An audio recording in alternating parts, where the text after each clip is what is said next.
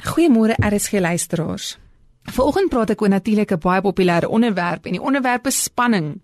Hoe hanteer ek spanning?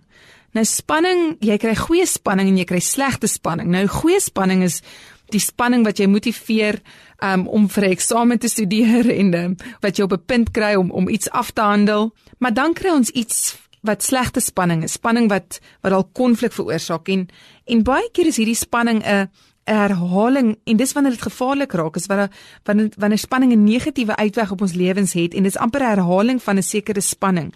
En en spanning kan tot ons gesondheid op uitbranding stuur en dit kan self ons um, ons verhoudinge skade doen.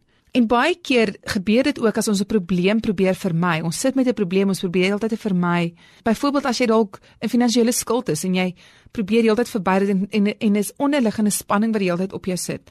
Nou ek wil vir oggend 5 punte deel met jou wat ek glo wat kan help juis om spanning te hanteer. Die eerste een is identifiseer die probleem.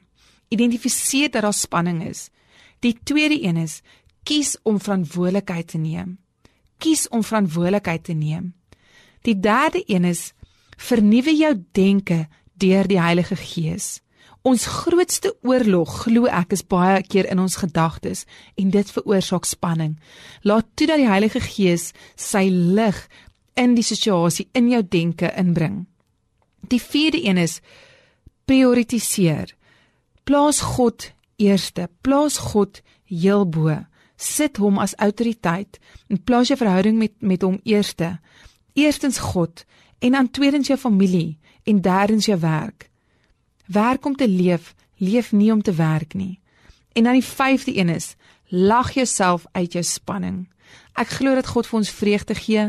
Ek glo dat God humor geskep het en ek dink dit is baie keer goed om weer 'n humor, 'n sin vir humor te kweek om jouself amper gesond te lag weer. Vader, ek wil bid vir elke persoon wat dalk er, er vir 'n lang tyd intense spanning beleef het. Ek wil vra dat U vir ons die regte maniere gee om spanning te hanteer. Dat U ons sal bedien, dat U genesing in ons binne sal sal bring. Dat U ons sal help om ons ons programme te bestuur sodat ons ons lewens nie uitbrand nie, maar tot eer van U kan leef. U gee krag, U versterk ons en dankie Jesus dat U teenwoordig is in elke liewe area en elke liewe aspek van ons lewe. Amen.